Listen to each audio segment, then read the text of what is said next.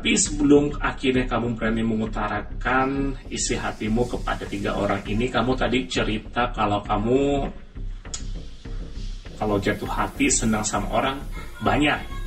Iya, tapi saya tidak berani mengutarakan. Kenapa? Karena rata-rata mereka itu non difabel. Dan ini kamu melihatnya dari apa nih? Ini kalau saya pribadi loh. Ya, Kalau saya pribadi sih suaranya Mas. Ternyata dianya menjauh. menjauh.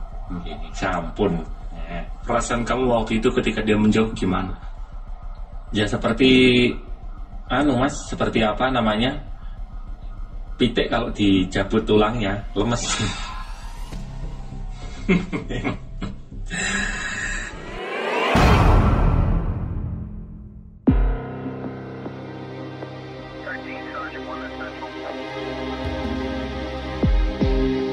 Berbagai kisah nyata akan dituturkan para korban penculikan.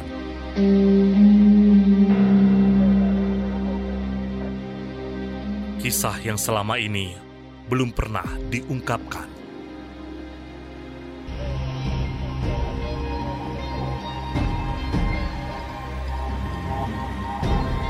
Podcast, podcast penculikan, penculikan.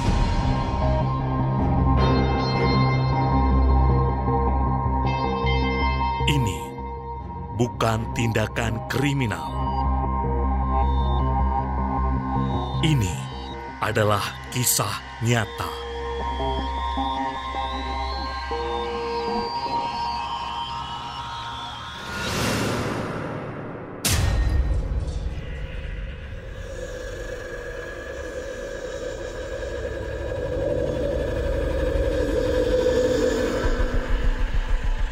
Selamat datang di podcast penculikan. Ini bukan tindakan kriminal. Ini adalah kisah nyata. Tantangan 30 hari bersuara oleh komunitas The Podcaster Indonesia sudah memasuki hari ke-13. Tema kali ini adalah pemuja rahasia salah satu tema yang sangat sulit bagi saya untuk menentukan target korban penculikan. Hingga akhirnya satu nama tertuju. Seorang disabilitas netra yang saya kenal di rumah D, rumah difabel Semarang.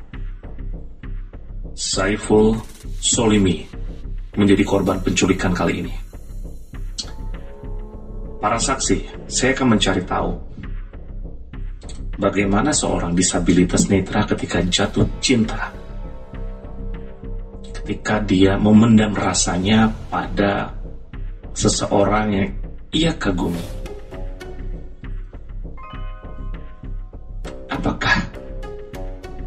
Berani mengutarakan isi hatinya atau hanya cukup dipendam saja. Selamat datang Saiful Solimi di podcast penculikan. Ya selamat datang juga. Kenapa kamu harus bilang selamat datang? Karena sama-sama menyambut. Oke.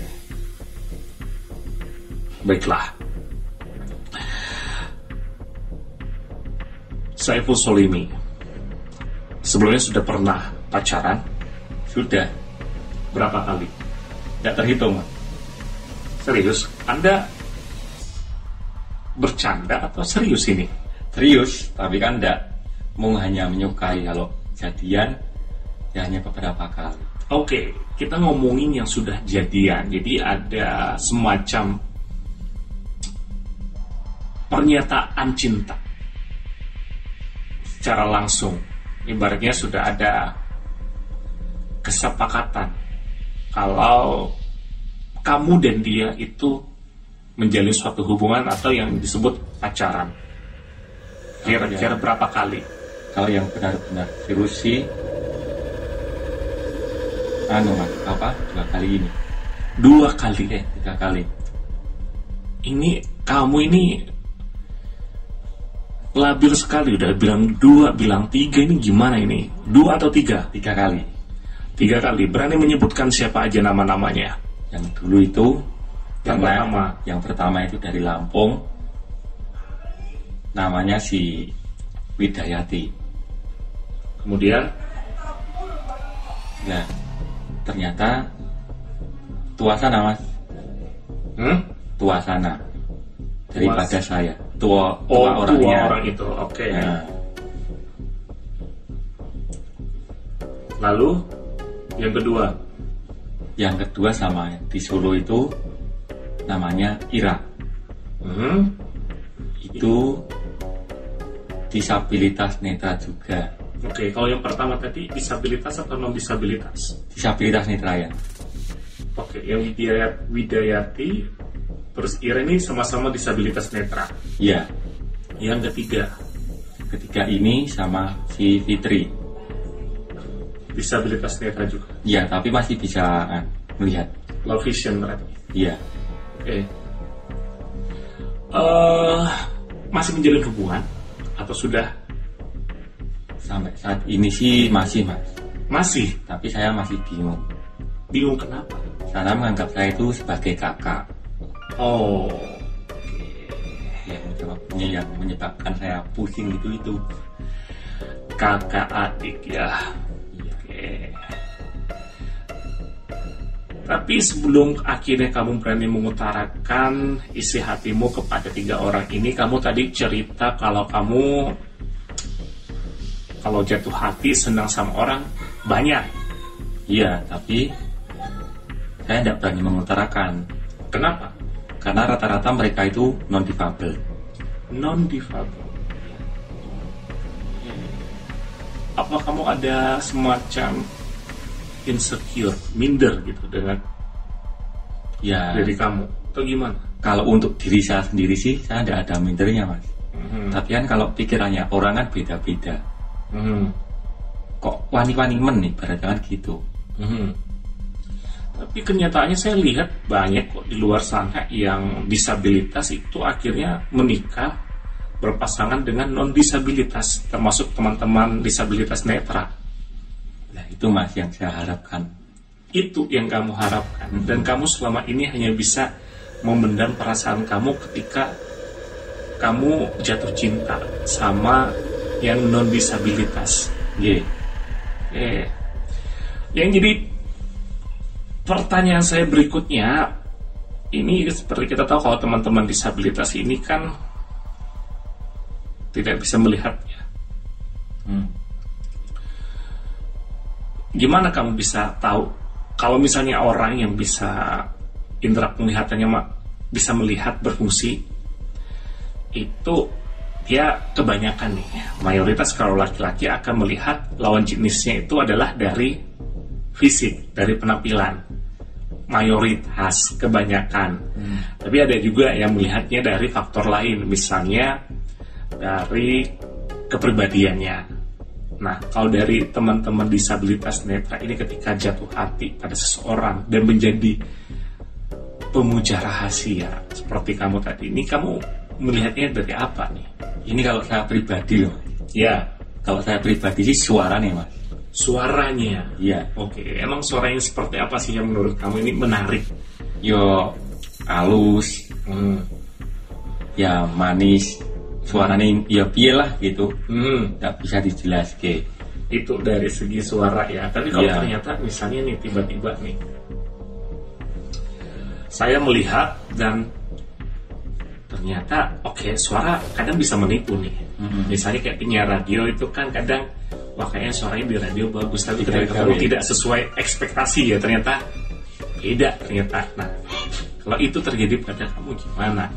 kalau itu sih menurut saya sih hanya penilaian teman saya saja mas Hmm, kamu tanya sama teman awas berarti ya? ya kalau begitu ya Ben Oke, berarti begitu ya. Kalau teman-teman disabilitas netra ini jatuh cinta sama orang, kamu pernah memendam perasaan itu ketika naksir sama orang tapi kamu pendam? Itu biasanya apa yang kamu rasakan? ya yang tak rasakan ya nggak enak aja mas. Kayak meh maju bingung. Meh rene bingung. Mau maju bingung. Mau mundur bingung ya ragu-ragu lah Kalau ketemu, misalnya nih ketemu dan kamu mendengar suara ada dia gitu kan Hmm. yang orang kamu eh, kamu puja gitu kan. Reaksi apa yang kamu rasakan biasanya? kalau untuk saya paling ya mesa-mesem mas ada nggak sih misalnya nih kalau teman-teman non disabilitas itu kan bisa ngasih kode-kode gitu kan. Dari lirikan mata atau apa. Nah kalau teman-teman disabilitas netra ini seperti apa nih? Oh cara merasakan gitu? Cara merasakannya atau memberi kode kepada yang dia sukai gitu kan. Kalau biar ada respon ngeliat nih ada respon balik nggak nih gitu. Kalau untuk saya sih saya baperi mas. Baperi. Ah, oh, kayak gimana baperinya? Saya kan sebagai orang karawitan ya hmm. biasanya tak tuju ke eh, saya waktu bermain rebab kirim ke dia Hmm. terus waktu ketemu ya tak ajak guyon yang apalah begitu tak ajak bercanda kan saya susah mas kalau diajak serius Hmm. sebenarnya Kalau misalnya ngobrolannya nyambung berarti kamu ngerasa udah cocok gitu ya ya. nyambung terus orangnya penak gitu Mhm. Kira, kira dari pengalaman kamu nih selama ini nih ya, Hmm.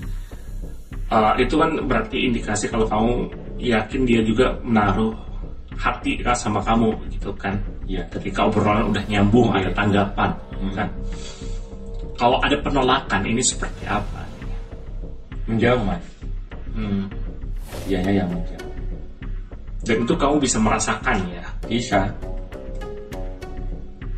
Misalnya seperti apa? Dulu pernah mas. Ya Mbah ini perasaan saya aja apa memang beneran? Waktu di SMK kan teman-teman saya kan banyak ya non difabel semua rata-rata lah. Waktu kelas 3 itu ada eh, seseorang yang pengen tak pengen cerita sama saya. Waktu itu mau kenaikan kelas 3 itu dia bilang saya belum bisa rebapan gending ini mbok yo aku diajari. Ya itu orangnya bilang begitu. Saya yes nggak nggak apa-apa lah. Tak ajari sak. Bisa saya sak mampu saya. Nah waktu itu rutin mas ngajari. Terus biasalah namanya teman-teman yang yang lain kan kalau tahu kan biasanya gudo-gudo Iya. saya respon juga. Mhm. tapi dia satu kali dua kali dekat itu sampai mau yang namanya prakrin itu mas. Mhm. yang seperti PKL itu loh. Iya. itu setelah itu agak menjauh mas. Waktu satu kelas juga. Waktu kelas 2 sama kelas 1 kan kelasnya dipisah lah saat kelas 3 itu kelasnya digabung. Delalah satu kelas sama dia.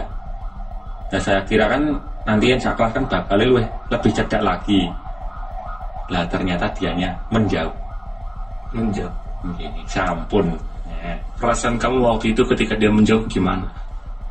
Ya seperti anu mas, seperti apa namanya? Pitik kalau dijabut tulangnya lemes.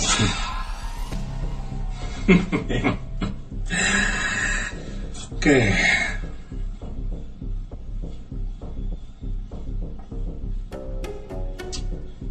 Ketika seseorang yang kamu pendam perasaannya, yang kamu kagumi, dan akhirnya dia jadian sama orang lain, apakah pernah mengalaminya? ya itu tadi mas. Yang barusan tadi itu, Iya, akhirnya dia jadian sama yang lain, iya. Tapi saya tidak tahu itu siapa. tidak mencari tahu kamu. Kalau kalau itu tak cari-cari terus, wis mas tidak ada gunanya. Wong perempuannya tidak hanya itu tok, eh, masih banyak yang- yang lain. Ya. perempuan seperti apa yang jadi idaman kamu? Kalau saya sendiri ya mas, saya itu sukanya yang ibaratnya gak ayu-ayu lah, penting pinter masak. Hmm. Karena kan kalau masakan seorang istri kan lebih dihargai sama suami. Tidak ketang orang ngalor, orang idul. Hmm. Yang penting bisa masak. Kalau saya begitu mas, ora galak. Orang galak, oke nggak galak ya. Ya, Eh, baiklah. Kemudian ada lagi. kalau saya sih, kalau untuk ukuran fisik sih, pengen yang tingginya sama kayak aku mas, Hmm. tergede, awalnya Eh, itu cukup. Ya ada lagi sih umurnya saya pengennya sa umuran dengan saya. Ya minimal sih paling muda sih paling ya dua tahun dengan saya tiga tahun minimal paling anu tiga tahun lah Selisih usianya. selisih ya. usia ya. Lebih tua kamu berarti ya. Kamu Iya. pengen cari yang lebih tua dari kamu. Ya kalau lebih tua sih maksimal ya satu, satu tahun. Oke. Kalau muda tiga tahun. Nah, iya. Ah, banyak maunya juga ya kamu ya. Mau nganang ya mas? Eh, baiklah. Terima kasih Saiful Solimi udah mau jadi korban penculikan di podcast penculikan.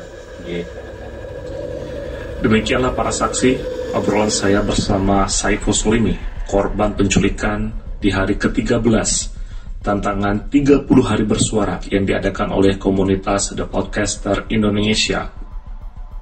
Tantangan sudah saya terima dan diselesaikan. Hati-hati dan waspada.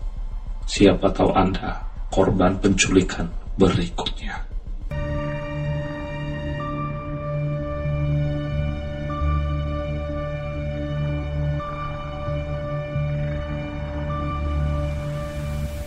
Terima kasih telah mendengarkan podcast penculikan.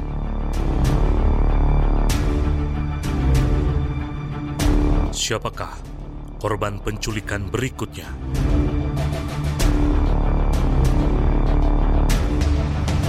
Hati-hati.